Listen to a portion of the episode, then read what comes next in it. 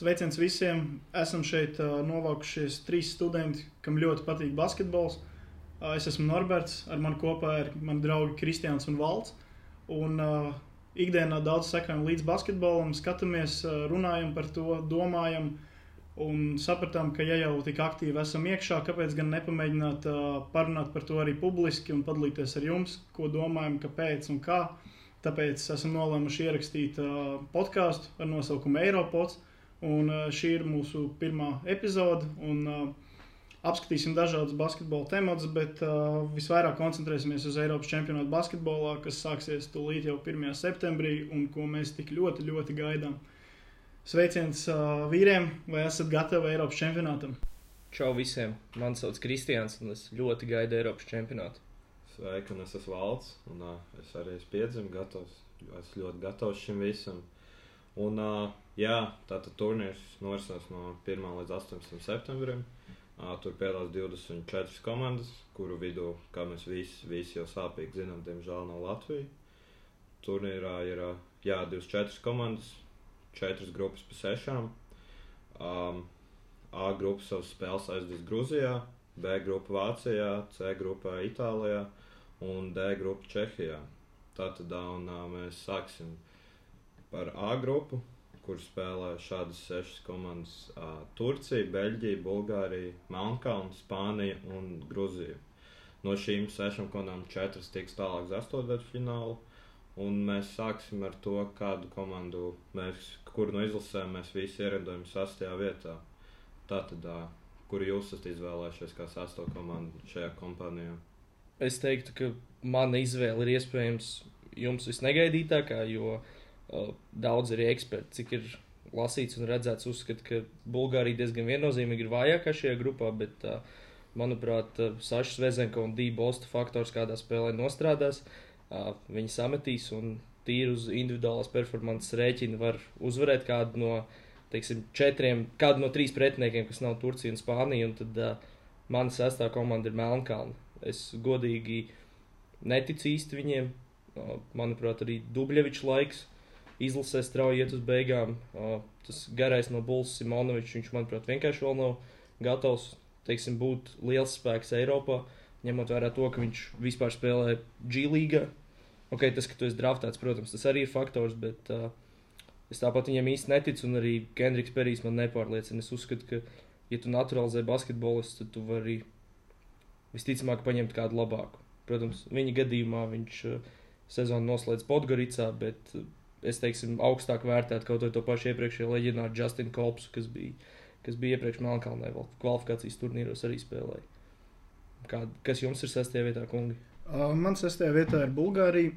es uzskatu, ka ar Sašu Vezenkovu un uh, Dību Ostu ir par maz, lai uh, cerētu uz uh, nopietniem panākumiem. Es ticu, ka viņi var vinnēt vienu spēli grupā, bet uh, gluži vairāk es negaidu, ka viņi vinnēs, tāpēc arī man Bulgārija ir sastajā vietā šajā grupā. Um, es arī piekrītu Norbertam. Dību Ostu, kā jau mēs redzējām, pat Latviju meistarīgs spēlētājs, viss kārtībā. Vezenkovs, Eiropas top, top spēlētājs.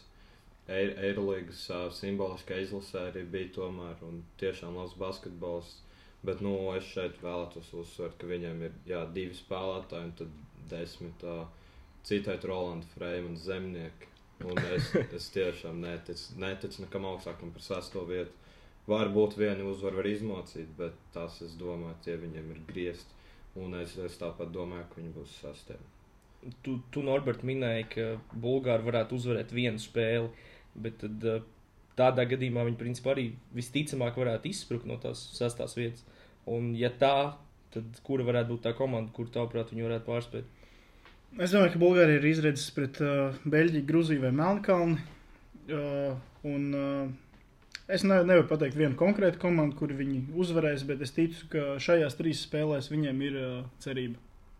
Nu, tad, teiksim, manā gadījumā, kā jau tas ir noprotams, es uh, Bulgāriem dodu visticamāk to cerību tieši pret Melnkalnu. Tad manā predikšanā Bulgārija ir piektajā vietā. Kas būtu jums tā piektā komanda? Uh, man piektajā vietā ir Beļģija. Uh, Beļģija pēdējās pārbaudas spēlēs tagad augustā nav izskatījušies uh, labi. Um, ir zaudējuši vairākas spēles, tāpēc es arī viņiem novēlu piekto vietu. Uh, taču noteikti norakstīt viņus nevar. Ja kāds vēlas viņus nenovērtēt, tad jūs varat pajautāt serbiem, kā viņiem šogad ir klājies divreiz spēlējot pret Beļģiju. Taču jā, es prognozēju, ka viņi paliks piektie šajā grupā. Valda, ko tu domā?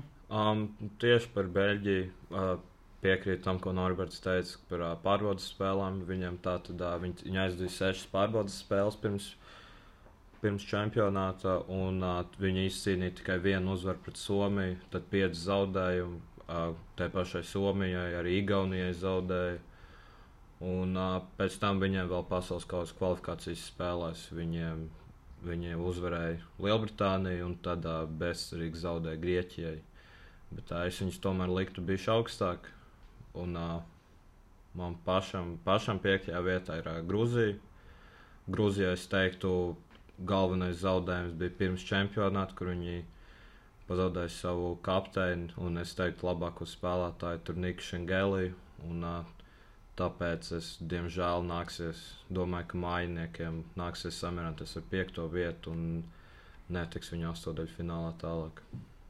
Okay, bet, ja runājam par Grūziju, tad kādas ir jūsu domas par to, ka viņiem, teiksim, starta pieciniekā saspēles vadītājs ir 36 gadus vecs veterāns Grūzīns, Cincādze, kurš nākamā sezonā spēlēs uh, Tunisijas līgā, un otrs mazais ir uh, Spānijā spēlējušais Tats Makfadens, kurš arī pret Vērfiju nemaldos spēlējis, kad viņš bija Burgusā. Un, uh, un tad sākot no trešā numura pozīcijas uz augšu, aiziet viņu principā šobrīd trīs lielākās zvaigznes.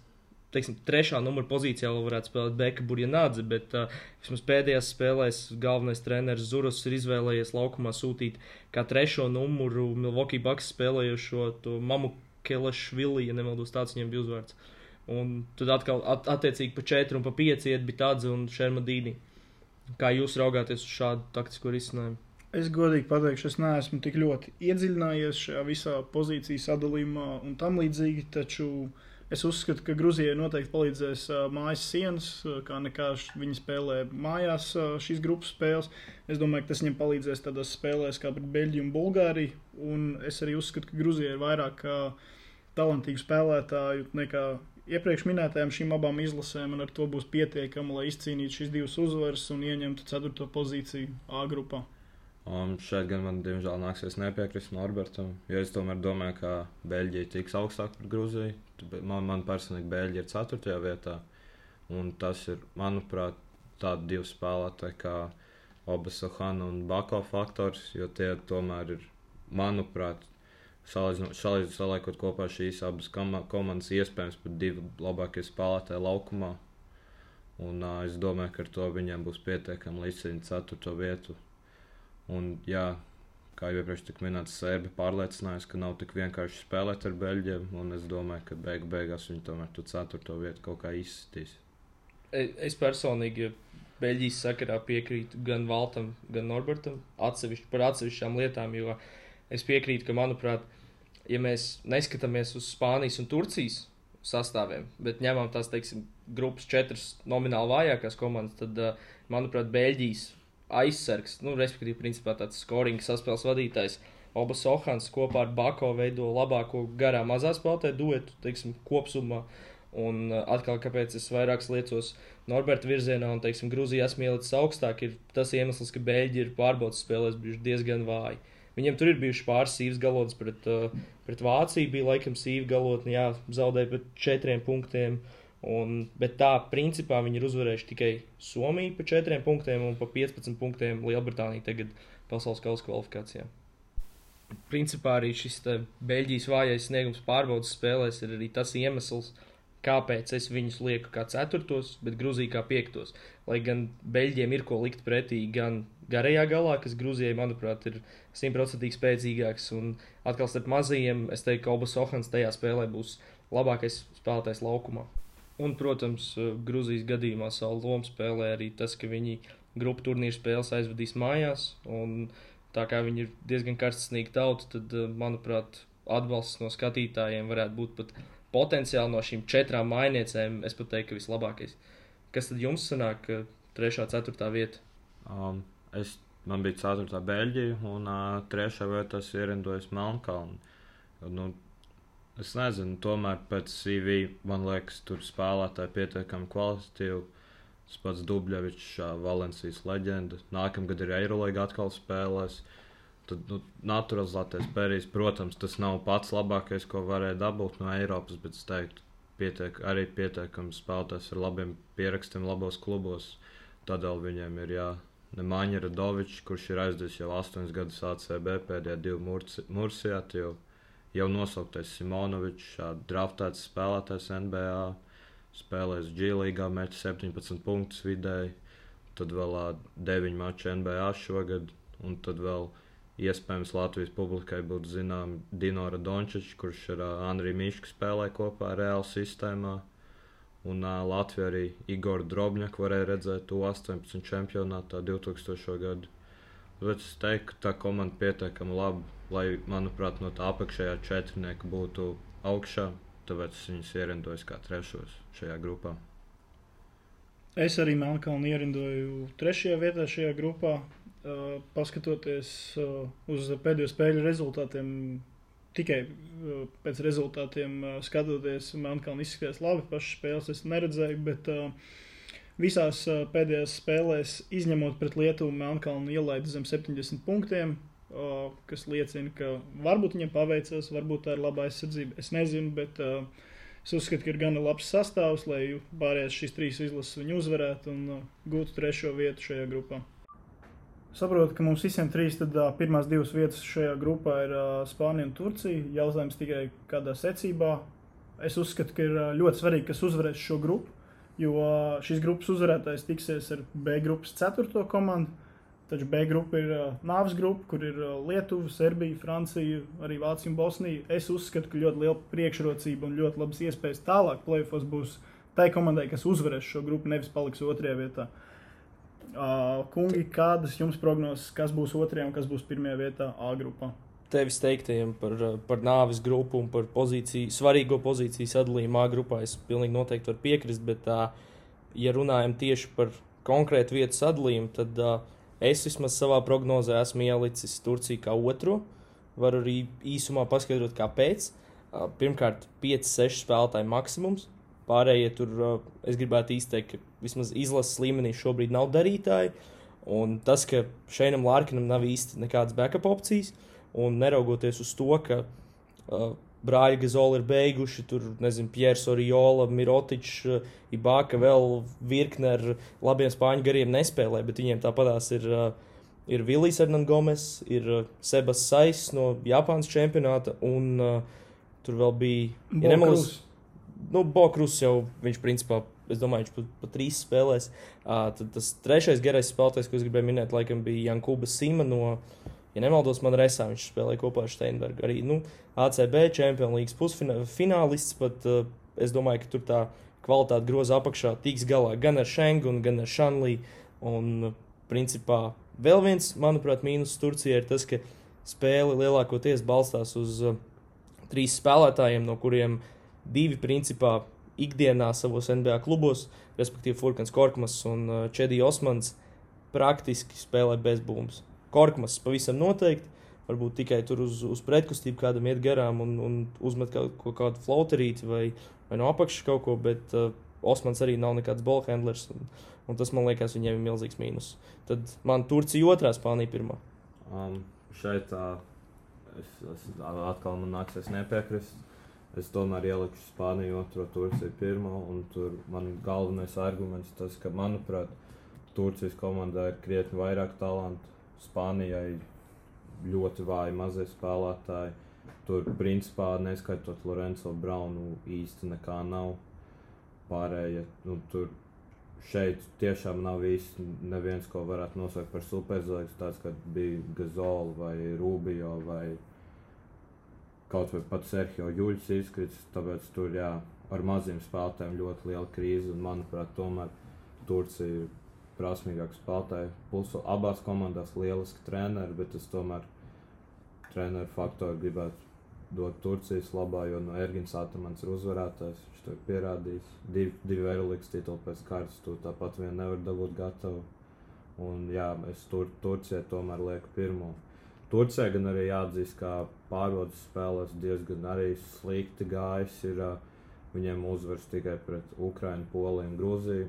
Un, uh, pasaules kausa kvalifikācijā bija, jā, protams, viņu lielākais zaudējums, ko mēs ļoti labi atceramies pret Latviju. Par 26 punktiem, bet es tomēr uzskatu, ka tie 26 punkti nebija līdz galam objektīvs spēku samērs. Jo, nu, jāsaka, godīgi Latvija ļoti sakrita tajā dienā, viss gāja. Tā objektīvi skatoties, nav tik milzīga atšķirība starp šīm komandām. Un, un tad, protams, viņiem bija vēl liela atspēlēšanās pret Serbiju.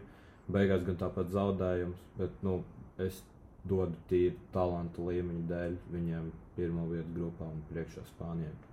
Bet, uh, starp citu, ko jūs domājat par to, ka principā Lorenzo Browns ir uh, viens no Eirolandes labākajiem aizsargiem tieši perimetrā, viens no labākajiem mazajiem aizsardzības spēlētājiem. Un, uh, es arī gribētu teikt, ka viņš Spānijas izlasēja pie savas lomas. Protams, cik tas ir taisnīgi un forši, ka viņš ir naturalizēts, tā ir cita lieta, bet uh, tieši tā loma, ko viņš pilda Spānijas izlasē, manuprāt, vismaz iederās vairāk nekā tas, ko Lārkins dara Turcijas izlasē, jo arī kā viņš tagad pats pēc tās Serbijas spēles atbildēja, ar, atbildēja uz to fanu kritiku, ka viņš spēlē pavisam savādāk nekā FSA. Tas, tas nav tas Lārkins, ko mēs esam pieraduši redzēt. Tad viņš, protams, ir arī lielisks spēles veidotājs, bet, manuprāt, viņam tomēr neizdevīgāk, bet komandai būtu lielāks labums, ja viņš spēlētu vairāk kā klubā. Jā, par Lorenzo Braunu pastāstot, manuprāt, viņš Spānijas izlasē iedaras ļoti labi. Manuprāt, viņš ir tieši tas, kas bija nepieciešams šai izlasē. Kā jau Valds minēja, ka mazie spēlētāji saspēles vadītāja pozīcija ir diezgan vāja, vismaz vājāka nekā parasti tā bija Spānijai. Tad šajā situācijā Lorenzo Brauns tiešām ideāli iedarās tur. Uh, Jautājums, vai viņa naturalizēšana ir laba Eiropas basketbolam vai nē, tas ir cits. Taču no tieši basketbola spēles viedokļa viņš noteikti palīdzēs šai izlasē. Es domāju, ka viņš būs tāds kā komandas motors un uh, pats svarīgākais spēlētājs uh, izlasē. Es domāju, ka no viņa ļoti daudz kas būs atkarīgs, vai Spānijas čempionāts izdosies vai nē. Uh, Taču es domāju, ka izdosies diezgan labi. Es šo spēlētāju diezgan daudz vēroju arī, kad Eirolandā vēl Kazaņš Uniks piedalījās pirms sākās karš Ukrajinā. Man ļoti patīk, kā Lorenzo izskatījās. Es domāju, ka diezgan līdzīgu lomu viņš šajā Spānijas izlasē varēs sniegt. Un, uh, jā, būt tas komandas motors, kas uh, visus pavalks priekšu, pakurina tempu, aizsardzībā nosedz pretinieku mazos, apgādā ar piespēlēm savus partnerus. Uh, man tiešām patīk, kā viņš spēlē, un es domāju, ka viņš izskatīsies labi, un ka Spānija būs uh, šajā grupā arī spēcīgāka nekā Turcija. Jo par Turciju piebilstot, uh, biju spēle arēnā Rīga, un man nepatika, kā Turcija spēlē uzbrukumā. Es uzskatu, ka viņi viņi izvēlās ļoti daudz sarežģītus metienus, diezgan individuāli spēlē. Un, lai gan talants viņiem, es piekritu, piekristu Valtam, ka ir šajā sastāvā vairāk nekā Spānija, es domāju, ka Spānija spēlēs organizētāku basketbolu, vairāk kopā. Tomēr Spāņu basketbola skola ir Spāņu basketbola skola.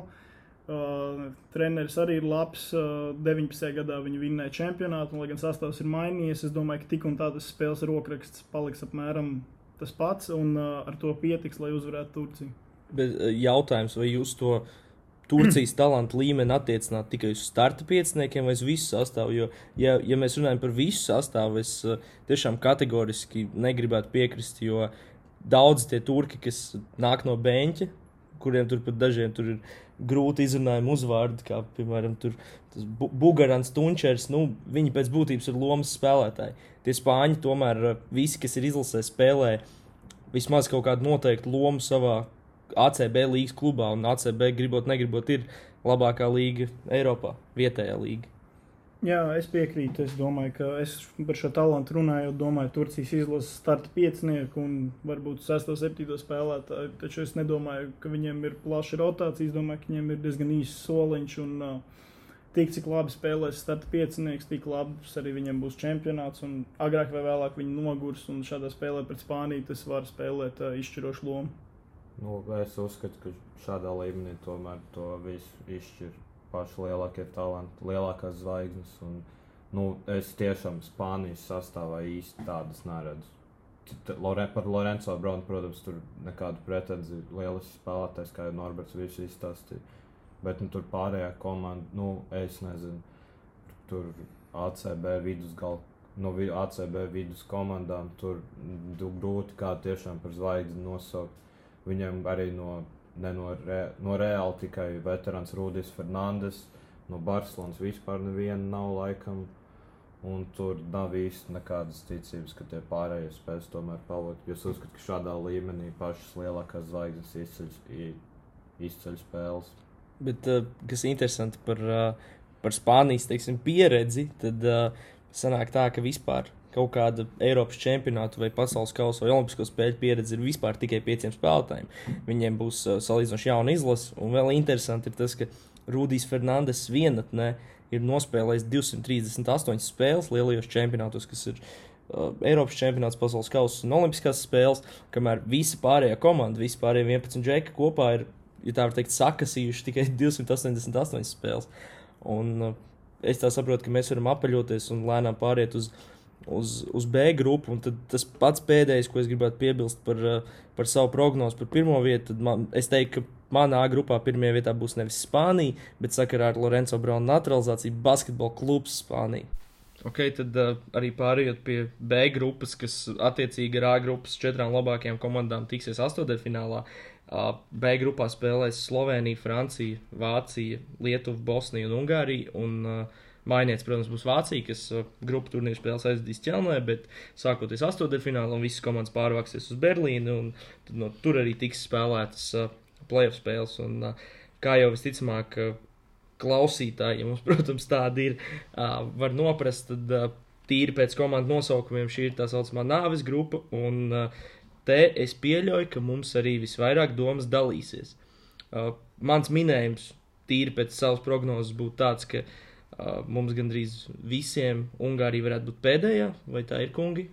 Jā, man ir Ungārija pēdējā. Jā, tieši tā. Um, no Ungārijas, ja apskatās sastāvu, pirmais vārds, kurš noteikti visiem krīt ārā, ko, ko varētu zināt, ir uh, Adams Hanga, kurš pašlaik pārstāv Karalisko Madrides Reālu klubu.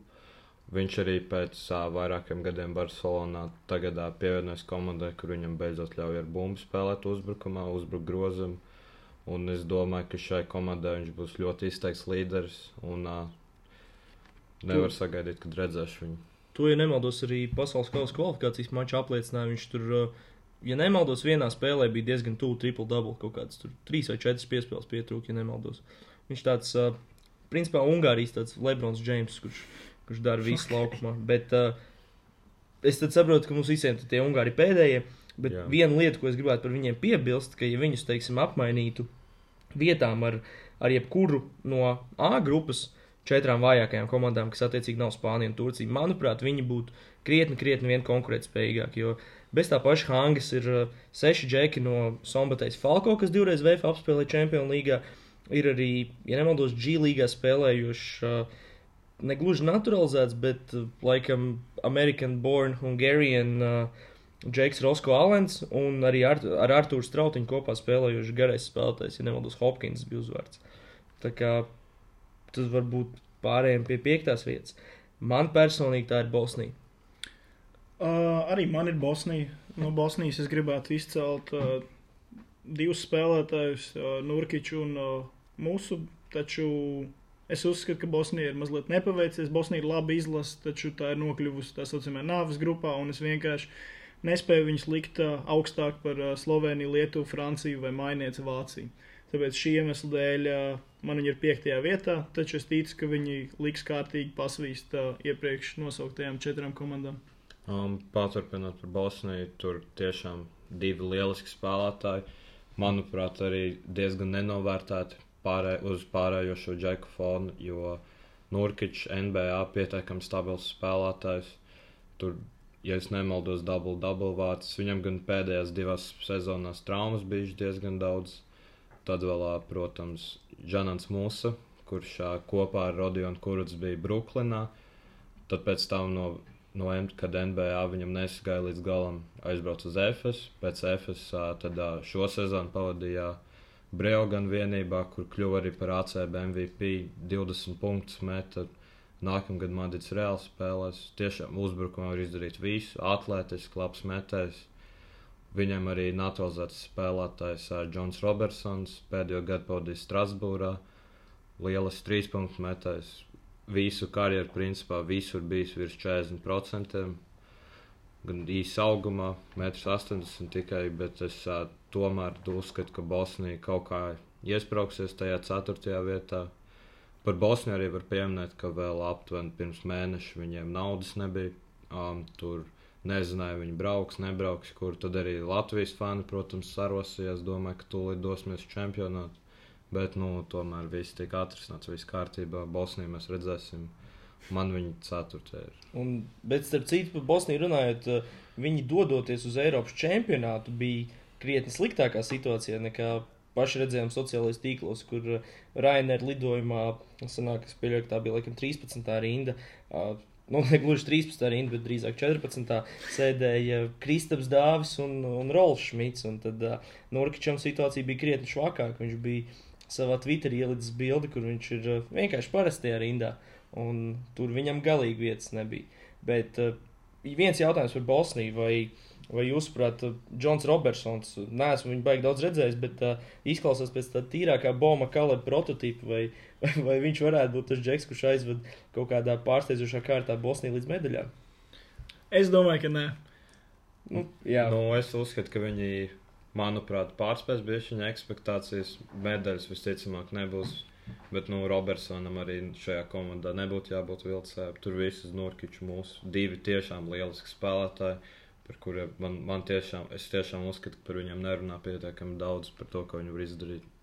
bet man personīgi vēl par Bosniju, teiksim, pēdējā lieta no manas puses par Bosniju ir, ir tāda sajūta, ka tā ir komanda, kas, tā kā viņi to arī pierādīja pasaules kausa kvalifikācijā, tik tikko, ka viņi ir komanda, kas var uzvarēt labā dienā pilnīgi jebkuru.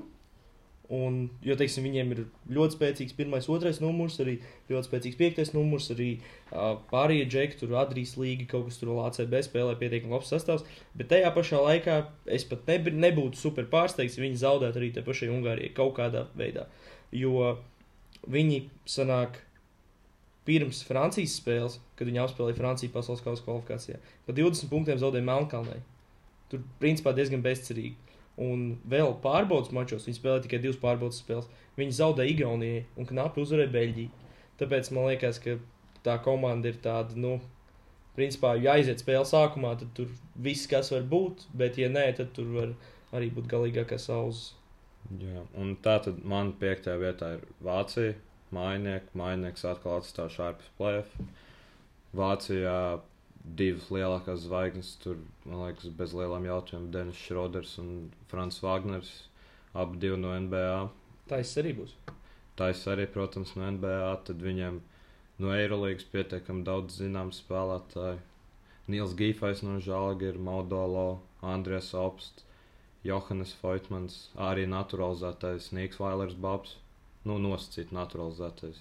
Nu, šis, manuprāt, vismaz nav tik slikti kā, kā ar uh, Dībostu, kā ar Lorenzo Braunu un pārējiem. Viņam tomēr vācu saknes. Tas, es teiktu, ka tas bija savādāk. Viņš tāds vācu Bruno Petersons. Jā, nu, stāsts sastāvs tiešām pietiekami kvalitīvs. Uzskatu, ka mums sagaida Šrodera un Vāgners šovs šeit, bet uh, nu, es, es tomēr viņus lieku, lieku, lieku zem Bosnijas.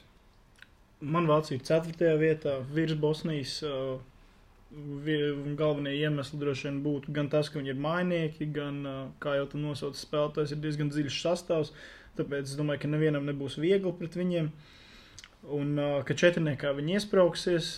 Un, es personīgi gribēju redzēt, kā iet Denisam Šrūderam, jo es domāju, ka viņš ir tāds rakstura cilvēks, tāds, kurš vienmēr ies cīnīsies un uztaisīs šovu arī pret lielajām izlasēm.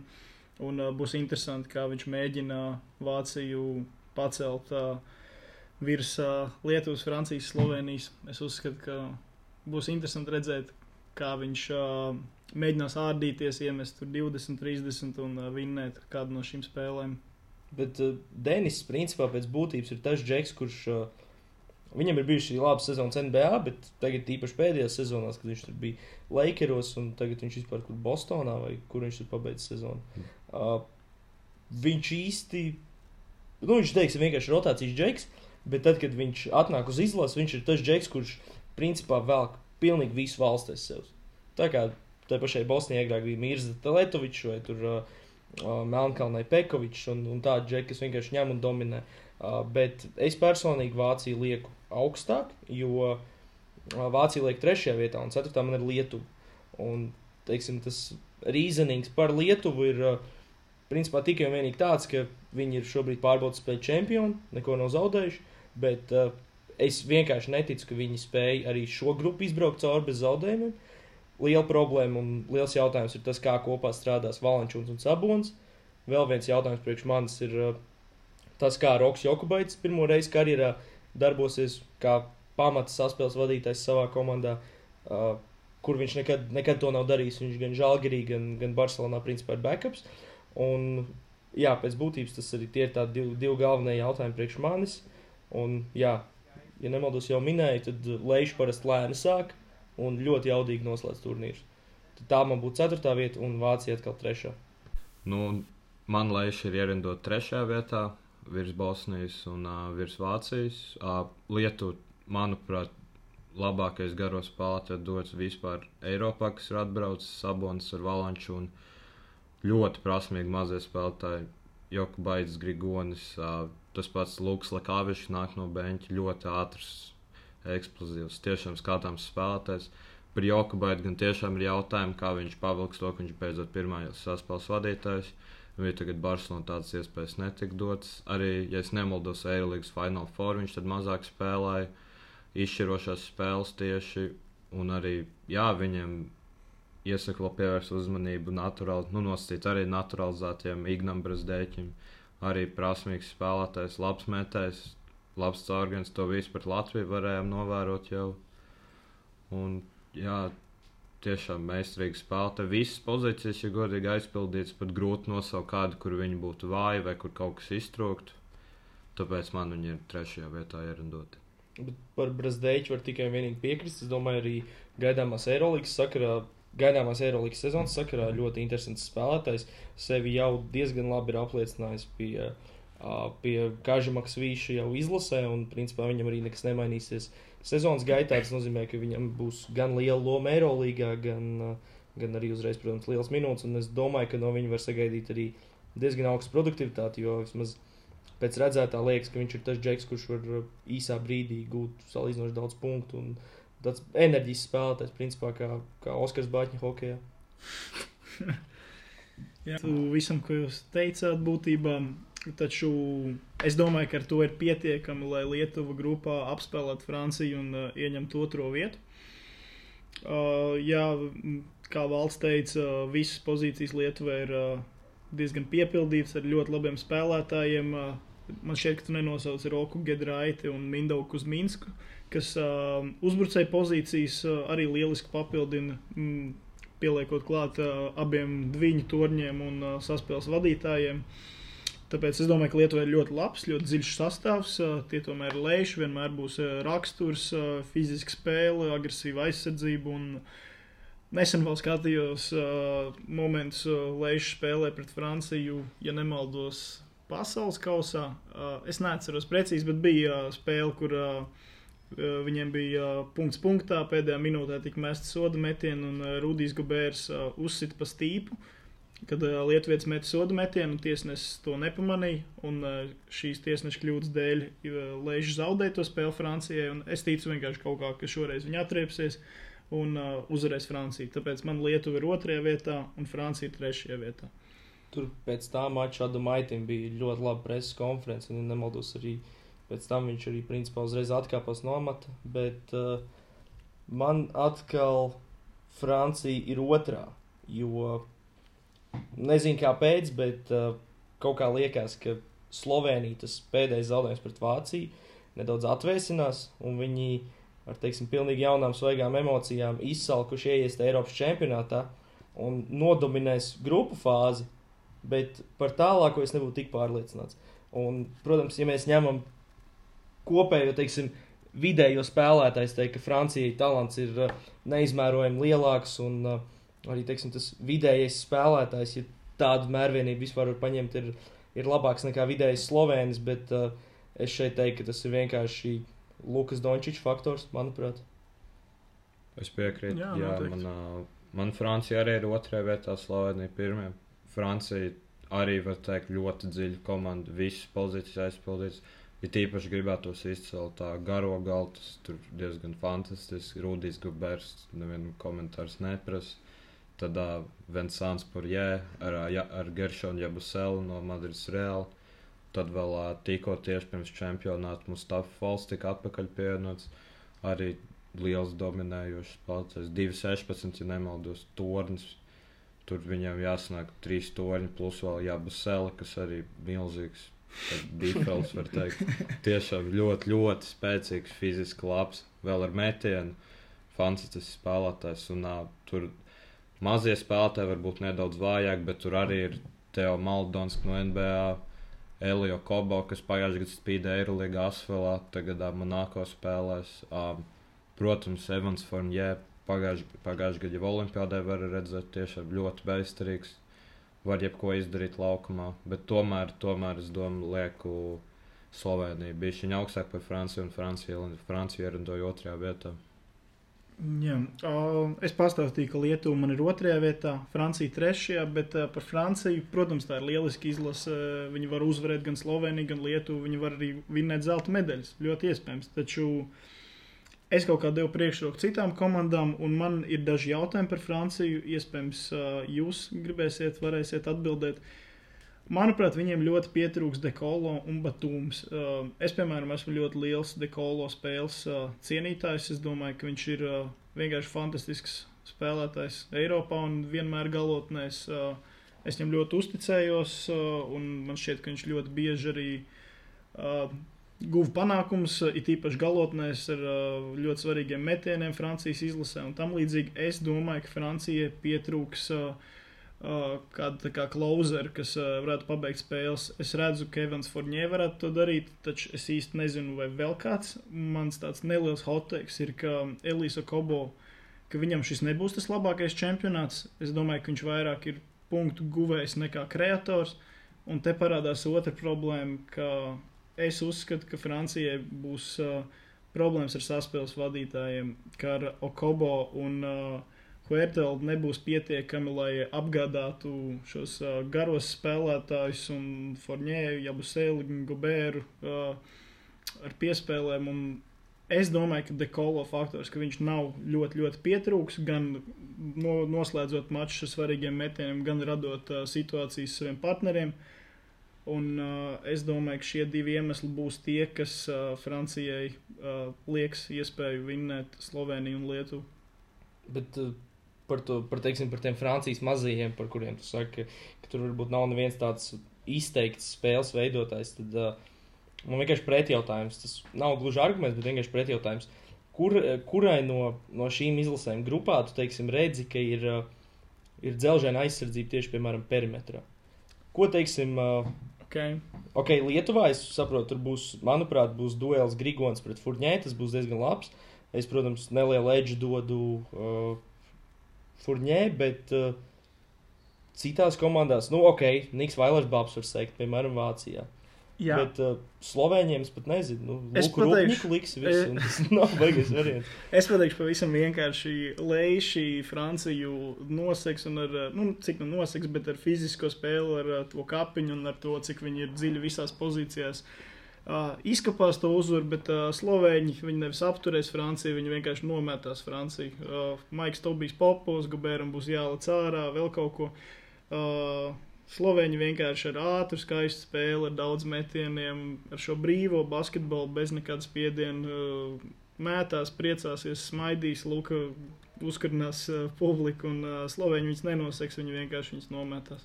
Un arī, starp citu, nebūs Francijai, kā tu jau teici, nebūs Batums, kurš, ja nemaldos, Prepeličs nobloķēja Olimpiskajās spēlēs, jā. pabeidzot Slovenijas sāpni par finālu. Jā, jā, jā bija Prepeličs. Bet tā, nu, es uzskatu to, ka tieši argumentā Lietuva pret Franciju. Es uzskatu, ka Lietuvas stiprākais punkts komandā ir viņu abi garie divi torņi. Un, nu, tīri skatoties uz, vārte, uz vārdiem, kas Francijā, ja kāds var viņus atstāt Jāņos, tā teikt, es domāju, tā ir noteikti Francija, jo tur viņiem ir pietiekami labi fiziski gari spēlētāji, un, un viņiem vēl ir četri tādi. Tāpēc es domāju, ka tur jā, tur viss būs kārtībā ar Franciju. Domāju, Bet- ka otrā vieta viņiem būs. Par Francijas gariem, manuprāt, uh, visi četri, ne, pagaidiet, trīs sanāk. Gobērs, Porjē, un Fals. Fals, jā. Un Jabasēlu. No, ok, labi. Jebkurā gadījumā es teiktu, ka, piemēram, pret Domānu Sabonu, kurš, starp citu, Lietuvas izlasē spēlē, kā Dreimons, bieži vien iesāk uh, uzbrukums. Nu, tā kā moderni pieņemts tagad basketbolā, kā viss notiek. Uh, iesāk pats vienkārši iet to coast, pabeidz uzbrukums vēl kaut ko. Es domāju, ka visiem šiem četriem, arī Geršanam, ja būs Sēlam, tā būs milzīga problēma. Un, uh, un arī ja būs Sēla pret uh, Sabonu, vispār nevarēs izmantot savu nekādu fizisko pārspēku. Un arī Sabons vēl ir garāks. Tāpēc es domāju, ka Sabons būs baigais mīsmečs principā pret jebkuru pretinieku.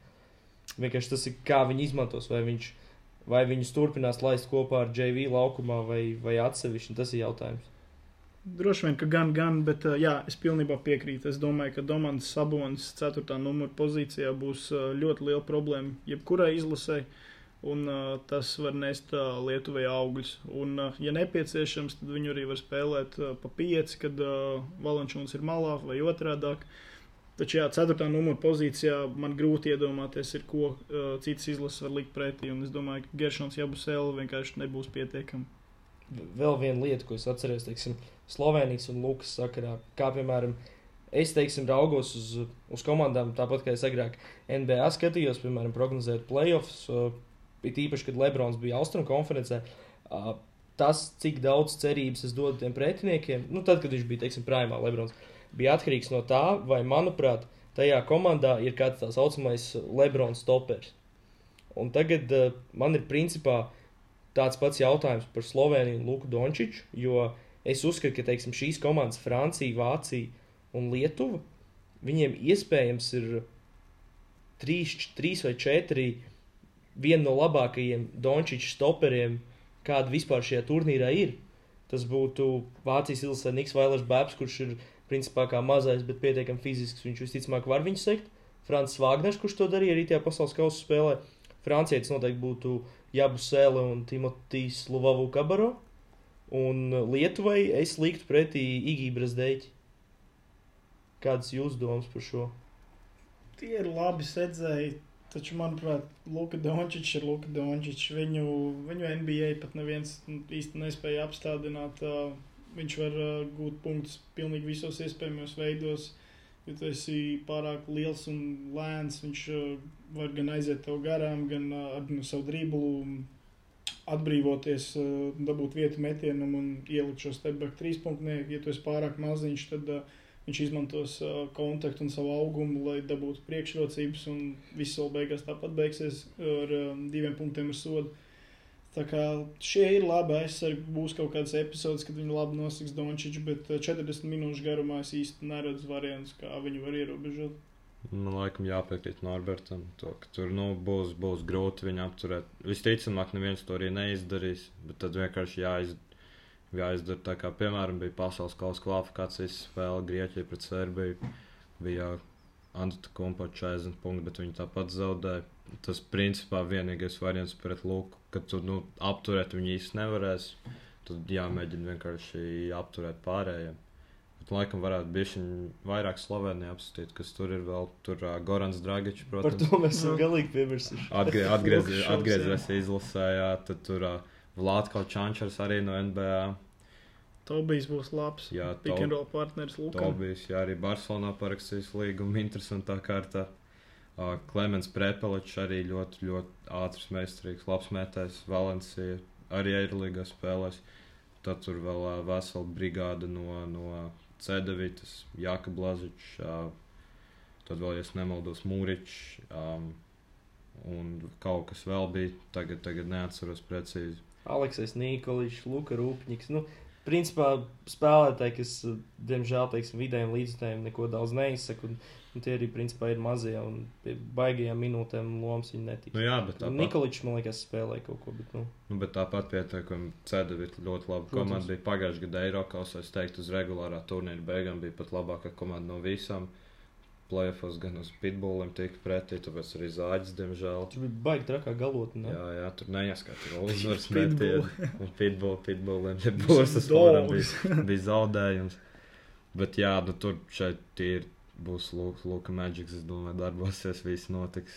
Tad statistikas, statistikas rādītāji rekordus labos. Jā, man šķiet, ka Slovenija arī lieliski demonstrē, kāds ir modernais basketbols, kā tas ir attīstījies. Kad uh, praktiski visi spēlētāji laukumā ir uh, metēji. Uh, citām izlasēm būs ļoti grūti sekt un izskriet visur. Un uh, pats galvenais, kad spēlē Slovenijas izlase, man izskatās, ka viņi vairāk um, izklaidējas un bauda spēli nekā, um, nezinu, saka, sakoši zobus un cer kaut viņi vinnētu. Man šķiet, ka viņi ir ļoti pārliecināti, ka viņi vinnēs, ka viņiem būs labi. Viņi izklaidējas gan spēlējot kārtas vakaros, gan izējot pēc tam laukumā. Vienkārši viss kopā, bez nekādas spiediena, izstāsta, ka viņiem viss vienkārši saskan, būs labi. Un es domāju, ka šī spēlētāja apkārt, visi, kas ir Lukam, ir diezgan perfekts uh, perfekta kombinācija, kuras likt kopā ar viņu. Luka varēs spēlēt diezgan līdzīgi, kā viņš to dara Dallasā. Un uh, arī tad, kad viņš būs noguris, uh, viņš, viņam būs kam iedot bumbu, kas iespējams pietrūka Olimpijādē. Tas būs Gorans Dragičs. Kurš varēs arī izkārtot situācijas gan sev, gan partneriem. Tā kā ir labi, ka ir arī tas otrais spēlētājs, kas mirkļos, ka Dončičam ir uh, vai nu piezīmju problēma, vai viņš ir noguris, vai kas, vai atpūta, ka ir uh, vēl spēlētājs, kas var driblēt un uh, paņemt uz sevi spēli par uh, Slovēņiem vēl paturpinot nedaudz uh, interesanti arī tas, ka, manuprāt, viņiem um, komandas ķīmija pavisam noteikti arī tā, kā tu minēji, ka viņi tur visu laiku smējās, izskatās ļoti priecīgi, viss tur notiek, baigie draugi un tā tālāk, bet uh, svarīgs faktors arī tajā ir tas, ka principā viss tas komandas kodols ir kopā jau no 17. gada vai pat vēl ātrāk. Nu, Lukam, laikam, tas bija pirmais turnīrs pie. Nē, vai viņš bija kaut kāda kvalifikācija spēlējis. Bet, respektīvi, jebkurā gadījumā tā, tā komanda ir kopā jau 5, 6 gadus. Un, šo, ja pareizi atceros, viņiem ir 8 džeki no tiem, kas 17. gadā uzvarēja titulu. Plus, tu vienkārši nomainīji Antoni Randolfu pret uh, Maiku Tobiju, kurš ar, ar Luku ir noteikti labāks, labāk iet kopā. Teiksim, tas viņa pikēnos, manuprāt, ir bīstamāks nekā Randolfs. Ir īpaši ar tādu Randolfu, kurš tagad ir pēc uh, daudzām smagām traumām. Un Nu, jā, bet tie ir salīdzinot, piemēram, 17. gadu. Es nezinu, es to, piemēram, manuprāt, Randalls bija labāks par to. Bija. Manu, Daudzpusīgāks. Man, man, jā, es uzskatu, ka noteikti labāks metājs, manuprāt, kas tieši pie, kad ir Lukas spēlēt, tas ir principā, man liekas, galvenā kvalitāte, ko tu vēlies redzēt kā treneris. Pārējos spēlētājs, lai vienkārši var iemest trojkas. Es teiktu, nu, šajā sastāvā principā visi to var izdarīt, kas ir galvenais arī es nebūtu pārliecināts par Žigu Dīmetu, vai viņš ir iemests tālmetienu, bet labi, viņš tāpat mainīs, ja vajadzēs. jā, tā kā. Jā, bet es domāju, tad varam gan jau tālāk iet uz. Jā, es vēl gribu interesanti nians pateikt, ka man, tā, kad Slovenija vinnēja titulu 17. gadā, tad uh, Gorans Dragičs bija tas uh, galvenais uh, spēlētājs, tā teikt, Batmans un Luka bija viņa Robins, un tagad viņi būs uh, samainījušies lomām, un uh, būs vienkārši interesanti to pastīties. Un, uh, Kas zina, iespējams, rezultāts būs tas pats. To jau tikai laiks rādīs. Taču, kā mēs zinām, čempionu titulu ir, uh, ir grūtāk noturēt nekā izcīnīt. Kaut kā tā bija tas teiciens. Tas gan. Gan jau tālāk, tad varam doties uz, uh, uz C grupu, kas, uh, jā, kas spēlēs Milānā. C grupā spēlēs Igaunija, Ukraina, Lielbritānija, Itālija, Horvātija un Grieķija. Man personīgi sastajā vietā ieliktā Lielbritānija, ko mēs jau tikko kā Latvijas basketbola fani redzējām savstarpējā spēlē.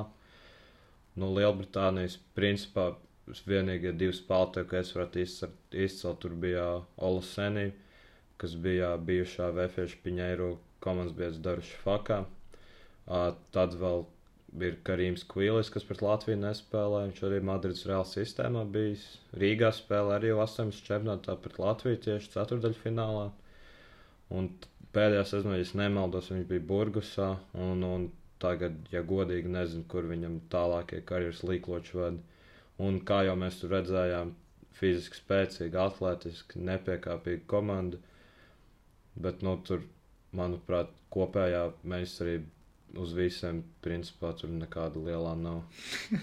Hes, Hesons bija Lielbritānijā, ok, viņš, ja nemaldos, arī negluži flirtēja ar triple double, bet uh, Viņam bija diezgan, diezgan laba līnijas, tas savāds statistikas. Ja nemanāšu, kaut kāda 15 vai 16 punkti. un arī pa septiņas vai astoņas bumbas un piespēles. Tā kā Viņš viņam arī, tas bija tas džeks, kurš Japānā spēlēja viņiem. Un, ja mēs par uh, 2000. gadu gadā dzimušo sudraba izlasu runājam, tad pieteikumā bija arī Jēkabs Rauns, kurš arī bija Rīgā un, un, un spēlēja tajā Lielbritānijas izlasē. Bet uh, es šeit esmu viensprāts ar tevi, Valtu, un arī Lielbritānija ir pēdējā. Varbūt, uh, protams, viņiem arī sakrit metienu mačā pret Latviju, un, uh, un viņi vispār arī mājās spēlē, kas arī noteikti ir kaut kādu faktoru spēlē, lai gan Nu, Es principā pēc Lat- Latvijas izklausījās pēc trījiem, ka bija Latvijā, Latvijā tomēr spēle. Bet uh, es laikam gribētu, varbūt tā nedaudz patriotiskāk, un tāpēc, nu, cik nu patriotiskāk, bet uh, vairāk atbalstīt mūsu kaimiņus, un tāpēc es vienkārši Igauniju liktu augstāk, lai gan dīži augstāk es viņus laikam arī nevērtētu. Jā, es gan nebūšu tik patriotisks. Um, sorry, čomiņiem no Igaunijas, bet es viņus esmu ievietojis sastajā vietā. Uh, šai izlasē ir vairāki metēji, un uh, viņi var samest un nospēlēt, taču es nedomāju, ka tas to var izdarīt pietiekami bieži. Un, uh, jā, mačs ar Lielbritāniju varētu būt tāds 50-50, bet uh, abas šīs komandas es redzu C grupas leisdaļā, tāpēc man uh, Igaunija ir sastajā vietā un Lielbritānija ir piektajā vietā. Uh, Latvija uzspēlē ar abām izlasēm. Man izskatījās, ka mums ar Lielbritāniju gāja mazliet grūtāk. Bet, uh, jā, līdzīgas izlases, taču man Lielbritānija ir piektajā vietā un Igaunija ir sastajā. Es tad saprotu, ka jums tad uh, Igaunija ir piektajā vai tomēr playoff turnīrā. Man arī Igaunija piektajā vietā. Igaunijā ļoti jauns spēlētāju kodols. Tur uh, Kers Krīsa, Kristians Kulamē, Maiks Kalevs Kotsars, Joesars arī nosacīt jaunā, jauns. 28 gadi. Nu, nosacīt jauns, tāpēc uh, Henry Drells. Tur ir pietiekami jauna komanda. Es domāju, viņiem vēl viss, viss arī priekšā ir. Es pat uzskatu, ka šīs nav vēl īsti viņu turnīrs. Bet, nu, uh, ko var pieminēt, to viņus mēs redzējām Rīgā, jā, kā jau Norberts teica, kas interesanti, kad viņi spēlē pret Latviju, viņi izpildīja pat vairāk talantīgus nekā latvieši, kas, kas parasti Latviju, latvieši izmet vairāk par pretiniekiem.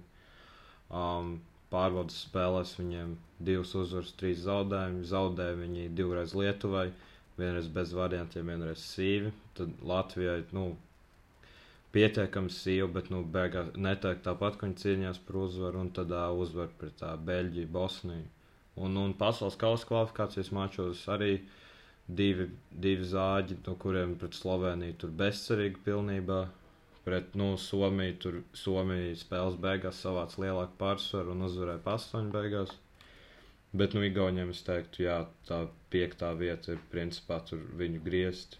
Jo, jā, ka man personīgi Ukraina, Ukraina 4. vietā, Ukrainas noteikti liek augstāk, jo, jo Ukrainai, Ukrainai divi labākie spēlētāji ir noteikti labāki, un es domāju, tā, tā arī būs tā lielākā atšķirība, kāpēc Ukraina tiks tālāk. Plus vēl Ukraiņiem tomēr visu valsts aiz viņiem, un, un viss tie ir tas emocionālais fons, kas domāju, ka viņi, ka viņi tiks priekšā, priekšā Igauniem un spēlēs plēfos. Bet uh, par to Igaunijas otro zaudējumu Lietuvai gribētu nedaudz palabot, ka līdz galam sīvs laikam viņš nebija, jo, ja pareizi atceros, tad uh, Igauni vienkārši uzvarēja 4. ceturdaļu pa kaut kādiem 14 punktiem. Nu, tur principā arī bija milzīgs mīnus visu spēli, bet nu, tas ir mazsvarīgi. Bet uh, es vienkārši viņus lieku, teiksim, zem Horvātijas un Ukrainas, kas ir arī, manuprāt, iesaistīsies cīņā par to. Arī Horvātiem es drīzāk teiktu, ka nav, nav garantēta tā izkļūšana no grupas. Lai gan es pieļauju, ka jūs domājat pretēji. Bet uh, Igaunijai vienkārši, manuprāt, vēl nedaudz pietrūks tas talants. Viņi ir, uh, viņi ir jauni, viņi arī Rīgas spēlē zaudēja Kaspar Trejeru, kurš ir uz, uz trīs mēnešiem ārā tagad. Un, uh, vienkārši, teiksim, man uzreiz tad ceturtā ir atkal Horvātija. Un, un Horvātiem vienkārši, ja mēs salīdzinām abas tās komandas, ir, ir krietni vairāk talantu. Lai gan es neteiktu, ka tas talants kopā labi strādā, bet tādā vienā spēlē, manuprāt, Igaunija viņu uzvarēs. Nu, Horvātija, Igaunija. Horvātija pārspēs Igauniju. Jā. Jā. Bet uh, Ukraina pārspēs Horvātiju? Manuprāt, jā, man, ja godīgi tas, ko es redzēju gan Rīgā, gan arī tajā spēlē, ko Ukraiņa spēlē Islandē, man varbūt nepatīk Sviatoslava Mihaiļuka darbības, ka viņš, manuprāt, pārāk daudz aizraujās pārāk daudz ņēmu uz sevi, bet uh, viņš tomēr laikam jau vairs neskaitās NBA spēlētājs, bet uh, vismaz uh, grib tur palikt un, un principā tur ir spēlējis un ir metējis. Un es gribētu cerēt, ka viņš uh, visus aizmestos metienus garām ir, ir nolicis Rīgā un, un Islandē, jo, ja nemaldos, procents viņam bija ļoti briesmīgs. Jā, es atceros māčā pret Itāliju. Tur, ja es nemaldos, viņš uzlādēja kaut kādu 5, 17. Trojkās vispār tur bez variantiem tur nevaldos 0,9 varbūt, bet nu, tur neko viņš neiemet. Un Ukra Uk jā, Ukraiņas izlases diezgan daudz sanācis redzēt, jo viņi tomēr jā, Rīgā aizved mājas spēles. Tur jā, Mihaiļuks, es teiktu, ka pret Grūziju, kad viņiem iepriekš bija, bija ļoti labs. Viņš arī, ja viņam aiziet mētēns, viņš ļoti labs, grūti viņu apturēt. Lēns ļoti liels garš spēlētājs, un vēl viņš NBA tik ilgi spēlē. Tad vēl noteikti latvieši, latviešiem būs labi zināms Vitālijs Zotos, kurš VFA spēlēja pagājušā sezonas beigas. Turpinās Arī vēl nākamgad, jā. Tad uh, viņiem spēlē pret Itāliju arēnā spēlē četri spēlētāji, kas nākamgad būs uh, Prometēja sastāvā, ko arī būs iespēja mums Rīgā redzēt. Gan Latvijas Igaunijas čempionātā, gan Eiropausā uh, bija Lukašovs, Sanons, Sidorovs, Kačenko. Un uh, es pieļauju, ka vēl varētu būt publikai zināmi Arčuns Pustovijs, kurš bija Rolanda Šmita komandas biedrs Barcelonā. Tagad Mursijā viņš arī liels garš šlangs, 2,18.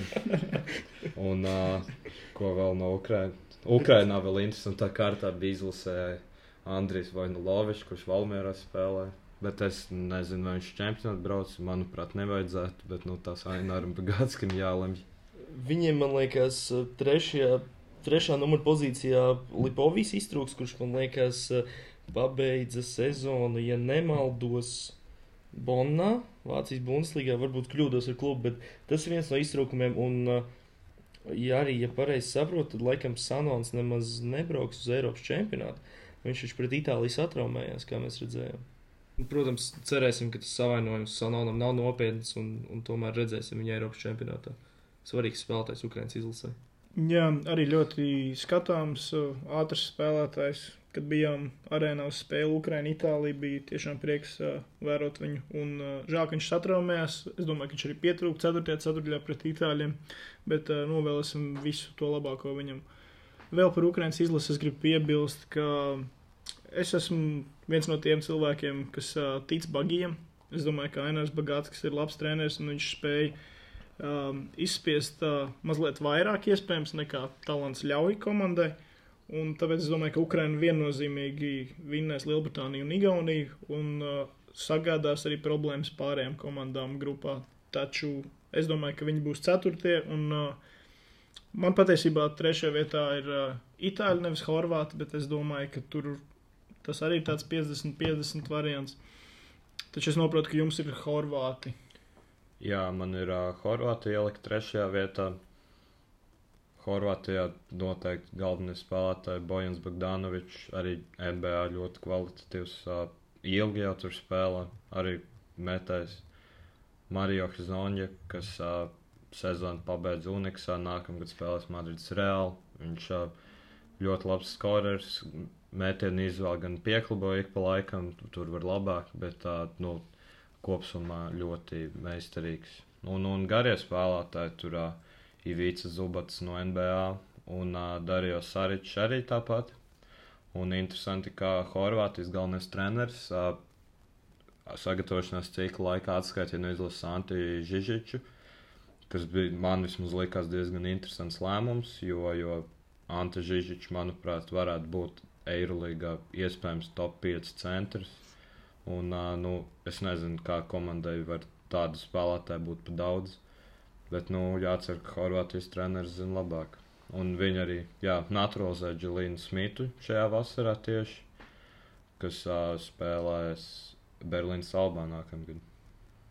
Jā, nu, es principā es pievienojos tam, ko Norberts teica. Es, uh, es arī ļoti ticu Aināram Bagātskim, bet uh, Horvātijas izlase, manuprāt, uh, šobrīd vispār ir vienā no saviem zemākajiem punktiem, kādā tā ir atradusies ilgā laikā. Uh, principā es pat teiktu, ka varētu salīdzināt ar, ar to punktu, kur Latvija bija pēc tam, kad, uh, kad zaudējām Bulgāriem un netikām uz, uz Eiropas čempionātu, jo viņi netika ārā no pasaules kausa kvalifikācijas, tās pirmās pamatkārtas, tās grupas. Jā, viņi tad- vēl izšķirošajā spēlē Somijai zaudēja, Mm. kur Laurija Marknets ielika, ja nemaldos, uz uzvaru metienu pat bija. Jā. Un, un tagad viņi tieši pirms čempionāta spēlēja nevis pasaules kausa kvalifikāciju, bet uh, Eiropas nākamā čempionāta jau priekškvalifikāciju. Un uh, man personīgi viņu pārbaudas spēlēs man nepatika divi, divi rezultāti. Pirmais bija neizteiksmīgais zaudējums pret Čehiju. Ar tādu talantu līmeni, manuprāt, viņi ir spēcīgāki, bet, protams, tā ir tikai un vienīgi pārbaudas spēle. Un otrs bija tas, ka viņi tagad tajā Eiropas čempionāta kvalifikācijā mocījās ar Polijas izlasi, kur, manuprāt, arī ir, ir tomēr līm, spēcīga izlase, bet līmenis zemāk tomēr. Un, uh, un es arī īsti neticu tam, ka Mario Hizoņi var nolikt savu ego malā. Manuprāt, viņš, viņš objektīvi ir uh, trešais, ceturtais, varbūt pat kādam piektais džeks šajā izlasē, bet es nezinu, vai viņš to lomu ir gatavs pieņemt. Un vēl arī, principā, ļoti līdzīgs modelis, uh, ja nemaldos, diezgan izgāzās Olimpiskajā kvalifikācijā. Zaudēja kaut kādai Dienvidu Amerikas komandai, un tiešām man personīgi galīgi nav ticības Horvātiem. Tāpēc arī es Ukraiņu lieku augstāk, un jā, tad, tad Horvāti viņi tiks izslēgšanas spēlēs, man viņi ir kā ceturtie. Um, es pastāstīšu, kāpēc man viņi ir otrie. Uh, man viņi ir otrie pirms itāļiem. Varbūt tieši tāpēc, ka Horvātija šobrīd ir tādā tā kā bedrē. Viņiem ir uh, grūti gājis pēdējā laikā, un es domāju, ka viņi būs uh, izsalkuši, noskaņoti. Viņiem ir uh, labi uzbrucēji, pats Hezoņa, Bogdanovičs, uh, Saričs um, un citi. Uh, jebku, viņi var jebkurā mačā izšaut, uh, samest trakus metienus un uzvarēt arī stiprākas komandas. Un es domāju, šo izsalkumu pēc uzvarām, uz šīs, um, šīm emocijām, kas viņiem ir un būs, viņi arī aizvadīs labu grupu turnīru. Un uh, es domāju, ka itāļi viņiem daļai pat atdos to otro vietu, jo apskatoties tālāk, manuprāt, uh, palikt trešajā vietā šajā grupā ir izdevīgāk nekā otrajā, jo tie, kas paliks otrajā vietā šajā grupā, viņi ceturdaļfinālā dabūs, ja nemaldos, Sloveniju, un uh, otri dabūs uh, A grupas pirmo vietu, kur ir kaut kas vājāks. Respektīvi, es domāju, ka Itāļi mazliet saschēmos, mazliet atpūtīsies, un, uh, un Horvāti ļoti, ļoti centīsies ķert tās uzvaras, kur viņiem nav tik daudz pēdējā laikā. Un, tāpēc Horvāti ieņems otro vietu grupā un Itāļi trešo. Taču vispār es domāju, ka Itālijas izlase ir uh, daudz, daudz labāka nekā Horvātijas izlase. Un uh, izslēgšanas spēlēs es viņiem ticu arī daudz vairāk nekā Horvātiem. Tad gan jau mēs varētu uz Itāliju pāriet. ā, Tev, Norberts, cik sapratu, viņi bija trešie, tad jā. Jā, Man, man otrē, kā tev, Kristian. Man, man arī ir otrie, jo es pieļauju, ka tad, uh, pirmā vieta ir visiem skaidrs. Tur ir Pirmā uh. Grieķu frīks un, un kompānija, un tur šajā grupā laikam nevienam nav īsti varianti. Bet uh, es gribētu par Itālijas izlasi piebilst, ka, manuprāt, uh, šis vēl nav viņu čempionāts. Ņemot vērā to, ka it īpaši, ka Danilo Galinārī ir, ir satraumējies un turnīrā nepiedalīsies, uh, nespēlēs. nespēlēs, ne, kaut kas ar menisku, viņš Mm. uz kaut kādu ilgāku laiku ārā.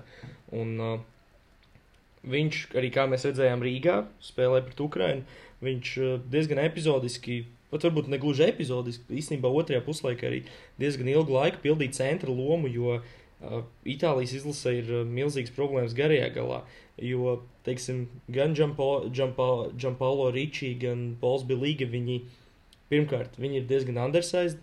Ricci varbūt ne tik ļoti, bet Bilīga ir, ir knap divmetrnieks. Un otrkārt, viņi ir baigie lomas spēlētāji savā komandā Milānas Olimpijā tagad. Un, ā, un tagad sanāk, ka Galinārī vietā paņēma atpakaļ Amadeo Tesitoriju, bet, nu, nu, viņš arī Boloņas virtus, viņš bija, bija lomas spēlētājs, un, ja nemaldos, tagad uz Venēciju aizgāja. Tā kā garais gals, man liekas, viņus pievils, bet uh, starp mazajiem Nikola Menjons, manuprāt, varētu aiziet labu turnīru, lai gan viņš nebūs visticamāk starta pieciniekā. Tas pats Pajola vēl ir ļoti jauns. Viņiem vēl ir rezerves, kā piemēram drafta pirmais numurs Bankēro, kurš solīja nākamgad spēlēt arī gan draftēties Paņolo, Pročīda, un vēl, nu, tur ir pietiekami daudz dažādu jaunu talantu plējādi, kas tuvākajā laikā iesaistīsies. Un vēl, protams, arī tas, ka Simona Fontekio nākamajā sezonā dosies otru pusi okeānam.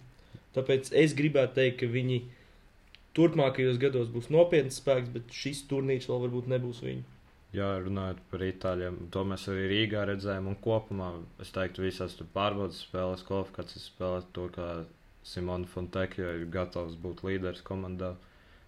Ja nemaldos, Rīgā pie 20 punktiem samet, un tur to jau arī pagājušajā gadā Baskonijā redzējām, ka viņš godam nopelnījis sev līgumu NBA. Um, tad vēl, vēl var izcelt uh, Akila Polonāru, kurš nākamgad būs FS. Pagājušajā gadā Fenerbahčē, tad vēl Nikolo Meli, super labs spēlētājs, pieredzējis un Itālijā tiešām pietiekami liels rezerves komandā. Varu arī papildināt par uh, Fontekiju, ka man, uh, man ļoti patīk, kā šis spēlētājs spēlē ne tikai uzbrukumā, bet arī aizsardzībā. Uh, redzēju, kā viņš Ukraiņas mazos spēlētājus krampē pa visu laukumu. Iz, izskatījās gana baisi. Tā kā es domāju, ka Fontekio šajā Itālijas izlases modelī būs tāds atslēgas spēlētājs, uh, no kur lielā mērā būs atkarīgs, uh, vai Itālijai izdosies šis čempionāts vai nē. Uh, Taču es nezinu, kā Fontekio ietur garāku spēlētāju sekšanu, taču es ļoti, ļoti gribētu redzēt, kā viņš mēģina sekt uh, Gijani Anteta Kumpo. Iespējams, viņam būtu liels problēmas. Nu, viņam noteikti būs liels problēmas, bet iespējams viņš ir pamazs. Taču es gribu redzēt, kā viņš cenšas. Es domāju, ka kaut ko viņš tur var pamēģināt. Taču jā, par Itālijas izlasi es domāju, ka garais gals tas būs tas uh, lielākais mīnus viņiem. Un uh, būs grūti vinnēt. Uh, lielās, uh, spēcīgās izlases, piemēram, tādas kā Grieķija, kas ir uh, šīs grupas favorīti, un mums visiem trijiem arī ir pirmajā vietā. Par Grieķiju runājot, es gribu pateikt, ka ir jauns treneris, ir Dimitris Itudis. Tas bija viņa vārds. Okay. Jā, tas pats. Itudis lielisks aerolīgs speciālists. Paskatījos arī diezgan epizodiski, bet Grieķijas, kaut ko no Grieķijas pārbaudas spēlēm. Uh, Un uh, ir mainījies varbūt tāda tā kā uzbrukuma schēma. Tagad uh, Jānis Antetokumpo mazāk spēlē kā driblētājs, ar bumbu vairāk kā uh, bloku līdzējs un uh, rollers uz grozu. Tādējādi viņš saņem bumbu daudz tuvāk grozam, kur ir daudz bīstamāks. Un, uh, piemēram, pret Serbiju viņš tikko iemeta 40 punktus, kā mēs redzējām. Tā kā šo spēlētāju būs ļoti, ļoti grūti apturēt.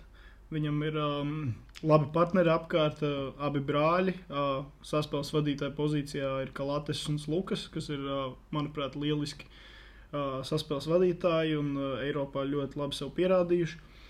Uh, garajā galā ir ļoti atletiski spēlētāji, un es domāju, ka šī izlase būs uh, labākā aizsardzības uh, komanda visā čempionātā. Tāpēc es domāju, ka viņi cīnīsies par medaļām, viņi uzvarēs šo grupu. Un uh, būs tiešām arī ļoti, ļoti skatām uh, komanda, kas ļoti, ļoti daudz dankos.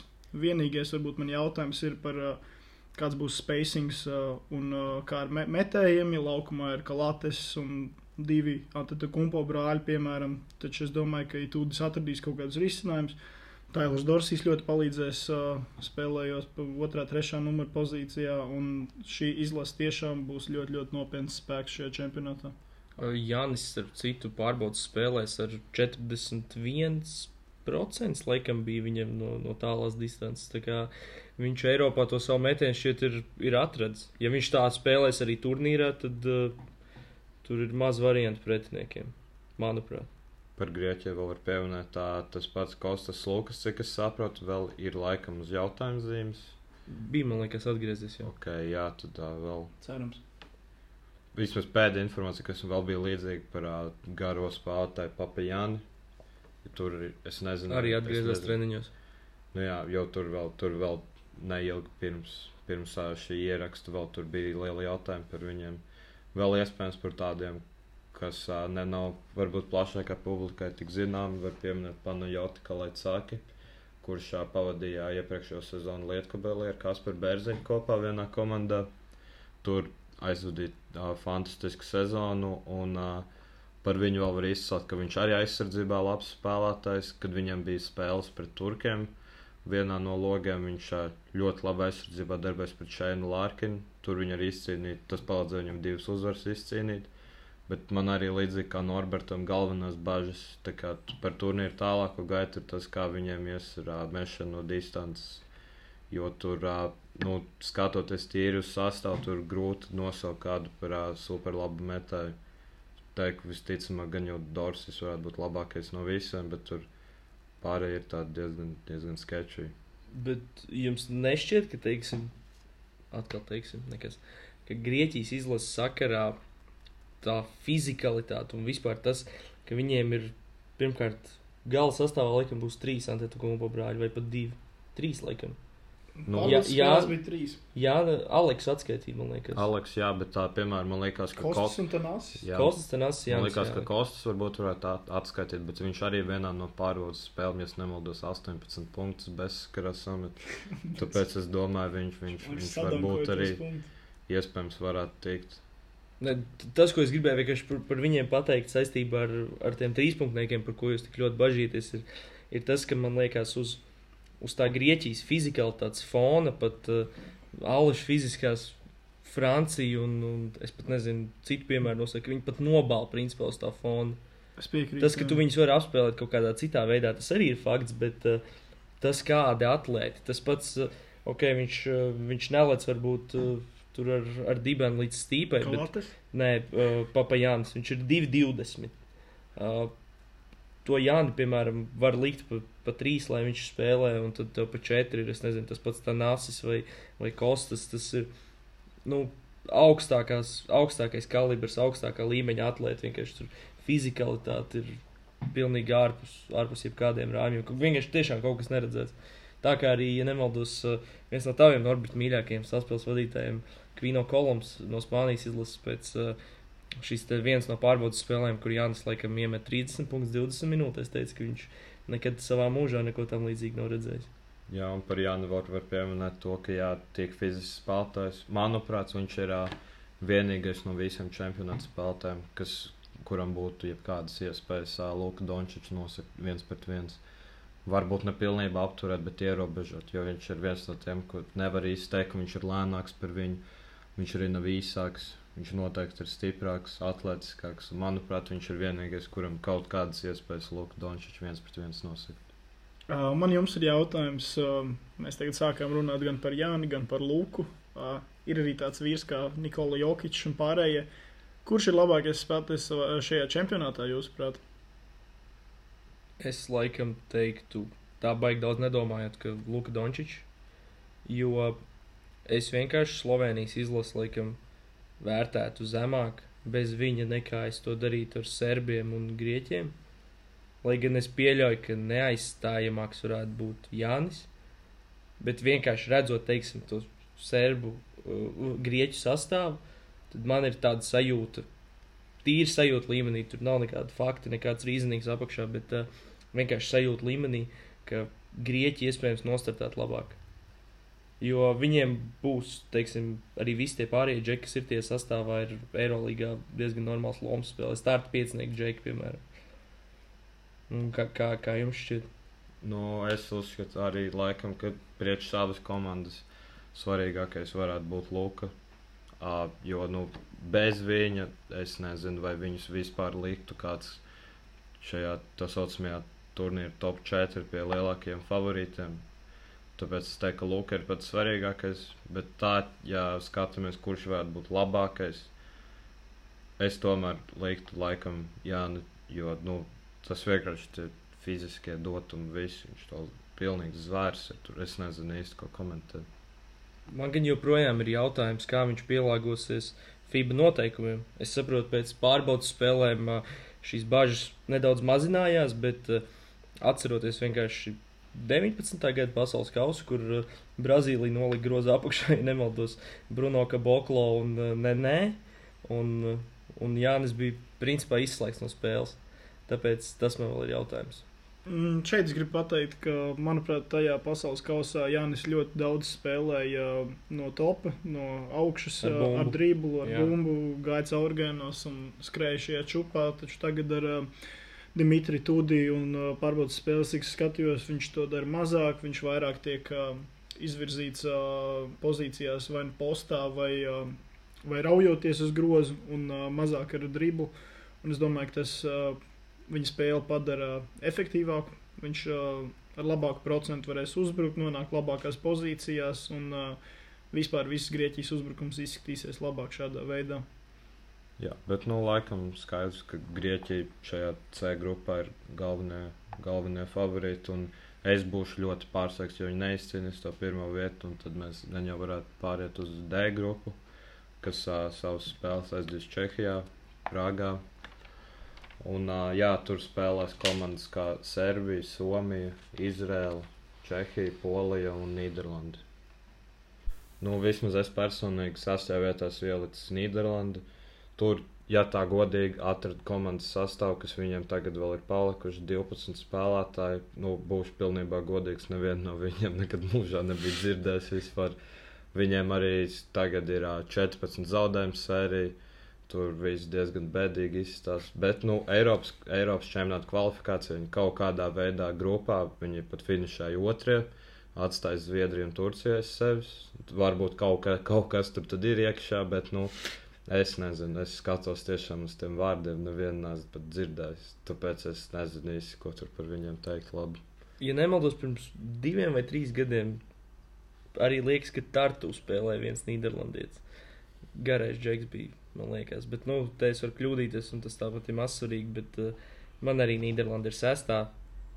Šī ir, manuprāt, viena no vājākajām grupām.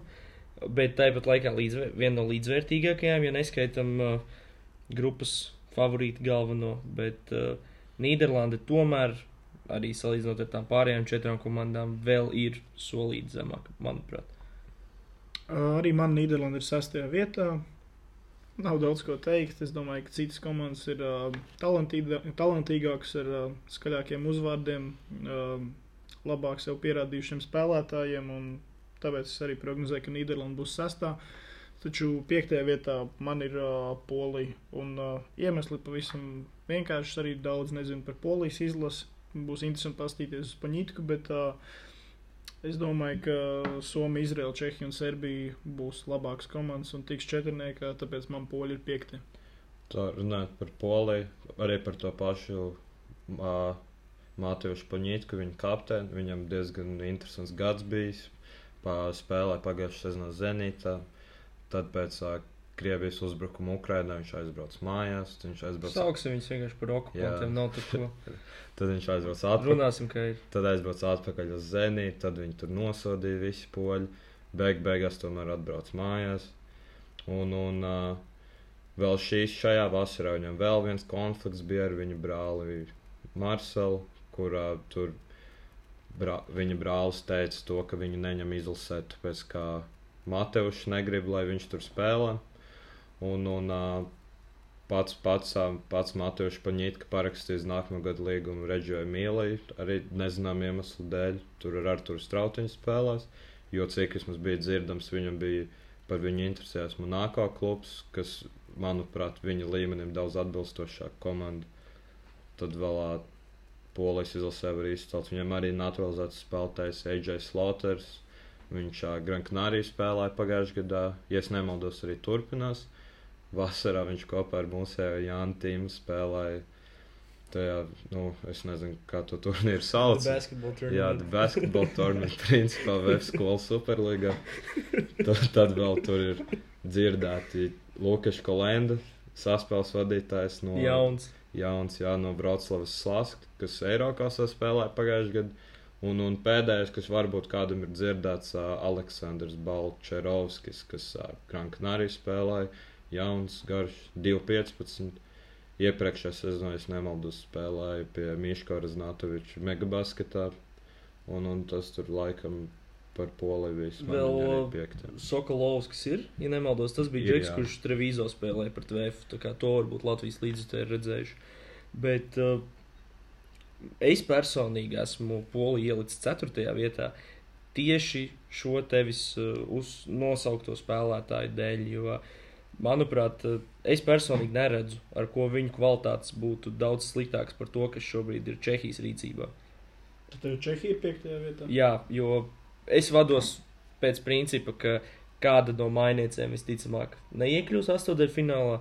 Un man vismaz šobrīd visreālāk tas izskatās Čehijas variants, jo pirmkārt viņi sagatavošanās cikla laikā vienā no pārbaudas spēlēm šķiet tā bija uh, zaudēja Tomašs Saturānski, kurš uh, satraumē potīti. Bet viņš iespējams kaut kad spēlēs turnīra gaitā.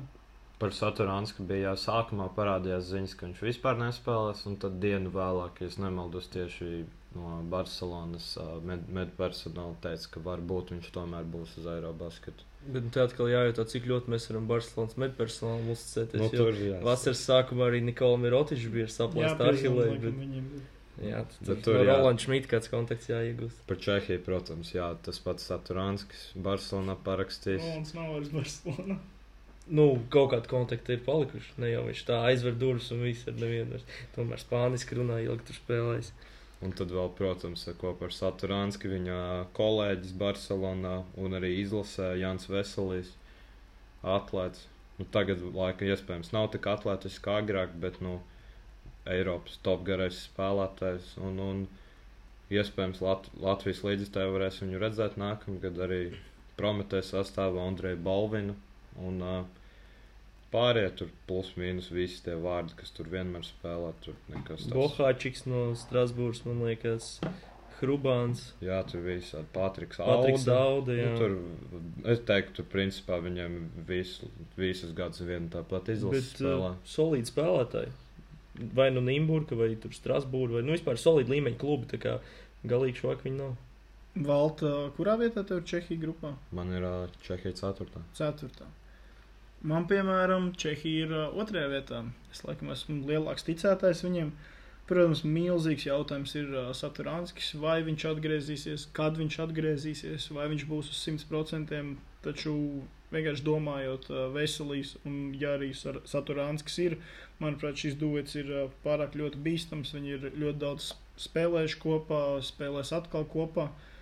Uh, Čehija ir, ir mainieki, vai ne?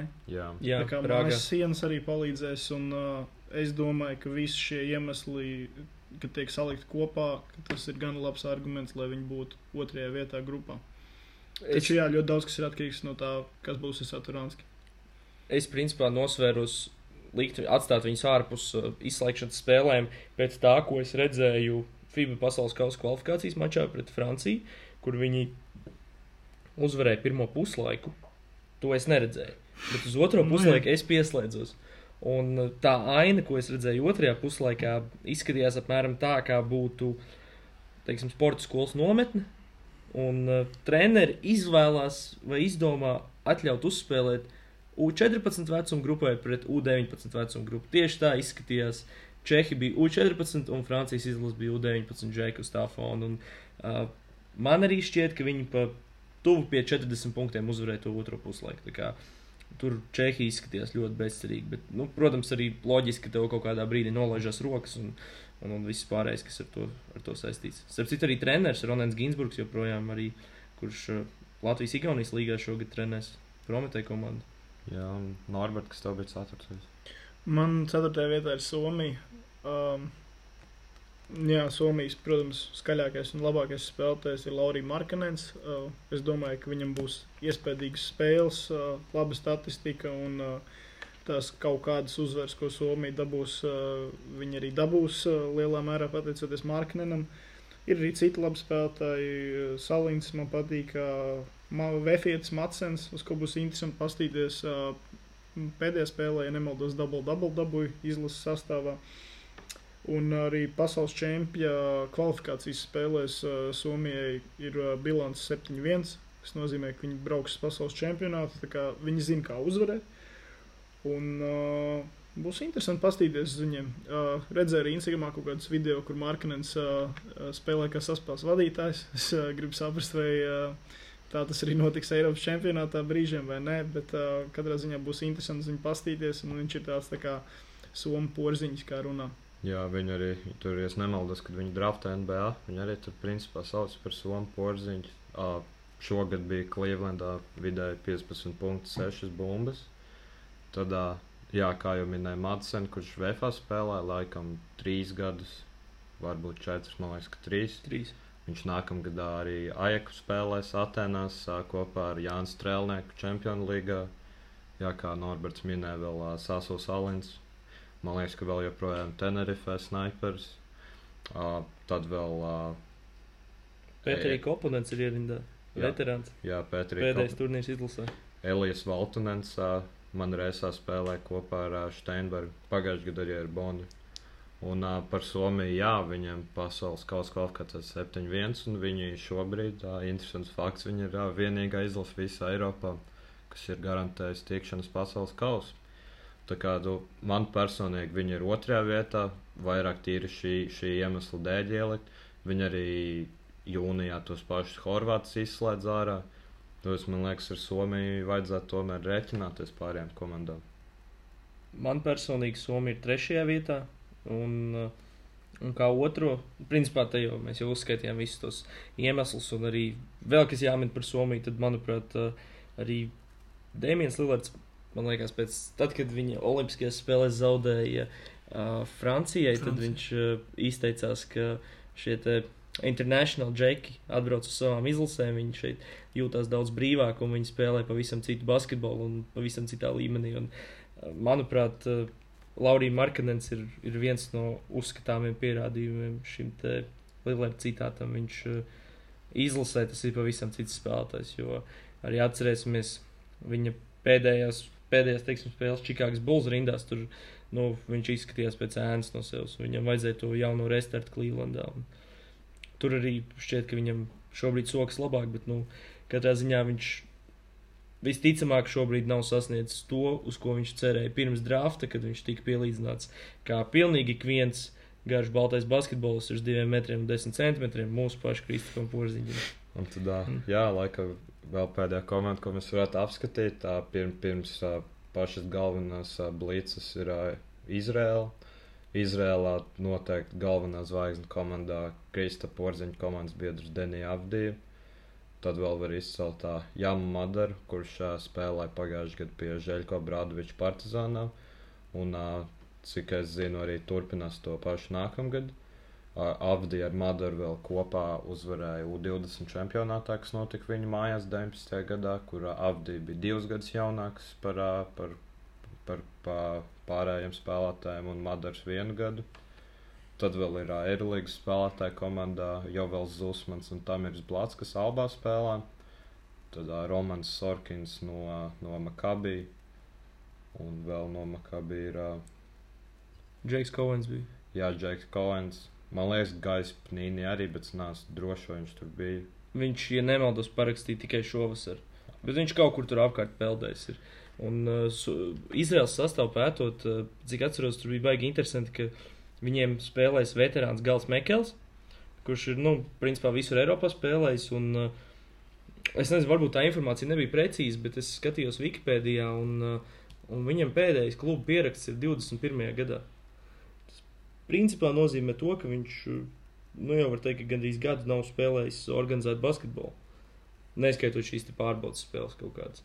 Un es ieliku Izraēlu otrajā vietā, D grupā, tīri tā iemesla dēļ, ka arī šie minētie Eirolandes spēlētāji, viņi nav varbūt gluži tāds uh, klasiskais turku un arī, kad okupantu klubi spēlē, tad uh, te tauta, šīs te tautas basketbolistiem bija līdzīgs liktenis, ka viņi principā lielākoties tajā komandā spēlē tikai un vienīgi tāpēc, ka tā bija okupantu gadījumā okupantu zemes komanda, un tad Izraels gadījumā Makabi. Makabī tieši tā, vai, nu, vai Turcijā, kā ar, ar, ar Efes un ar, ar Fenerbahču. Tad uh, šie te džeki, gan Zusmans, gan, gan Blāts, viņi ir pietiekami nozīmīgi spēlētāji Albā. Tas pats Romans Sorkins tika pie kaut kādām minūtēm pagājušajā sezonā. Uh, Džeks Kovens jau, ja nemaldos, ilgāku laiku spēlē. Nu, tur pieredze ir, teiksim tā. Jā, man Izraela ir trešajā vietā, taču neko baigi jaunu nepateikšu. Jūs jau ļoti labi pastāstījāt par Izraelu, par uh, galvenajiem trumpiem, galvenajiem spēlētājiem. Un jā, tā kā es viņus redzu trešajā vietā, kur astotdaļu finālā pēc tam visticamāk viņi arī nākamo spēli zaudēs.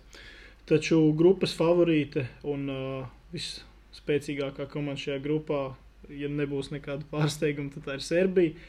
Un, uh, man šī izlase liekas tik ļoti spēcīga. Ir uh, tik ļoti daudz labu spēlētāju. Ja mēs ejam pa pozīcijām, sākam ar mazajiem, ir uh, Vasiljs Mīciņš, divkārtējais uh, Eirolandes čempions un uh, Final Four uh, vērtīgākais spēlētājs. Ir arī uh, Nedovičs, uh, tad pārējot uz uzbrucējiem, ir Guduričs, Lučičs, Kaliničs, garajā galā Jokičs, Milutīnovs. Uh, ir katrā pozīcijā ir tik ļoti labi spēlētāji. Nevelti uh, Serbijas izlases trenerim nācās atskaitīt uh, Milošu Teodosiču, kas ir uh, arī ļoti interesanti. Un, šī grupa, manuprāt, pārējās komandas nav tik spēcīgas, un es domāju, ka Serbijai iziešana no grupas, un pēc tam arī astotdaļfināla spēle būs pilnīgi pastaiga, un uh, viņiem čempionāts sāksies tikai no ceturdaļfināla, jo līdz tam viņiem vienkārši nebūs interesanti. Jā. Tik ļoti negodīgi tas ir. jā, es piekrītu Norbertam. Viņiem grupā tur, no, no es tur, es domāju, pilnīgi pauze būs. Es nezinu, kā, ko tur viņiem var likt pretī. Burtiski vienīgais mīnus, ko es redzu, ko pat grūti nosaukt par mīnusu, to, ka viņiem ir sas, nu, iespējams, pietrūks vēl viens saspēles vadītājs.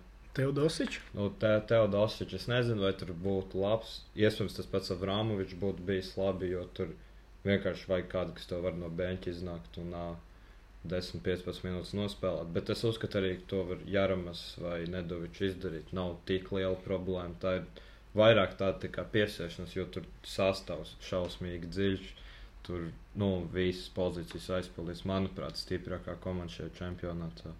Nedovičam gan tagad ir kaut kāds savainojums, viņš tur nav īsti uz 100% gatavs. Un man gan šķiet, ka šādā izlasē ļoti labi noderētu Milošs Teodosičs.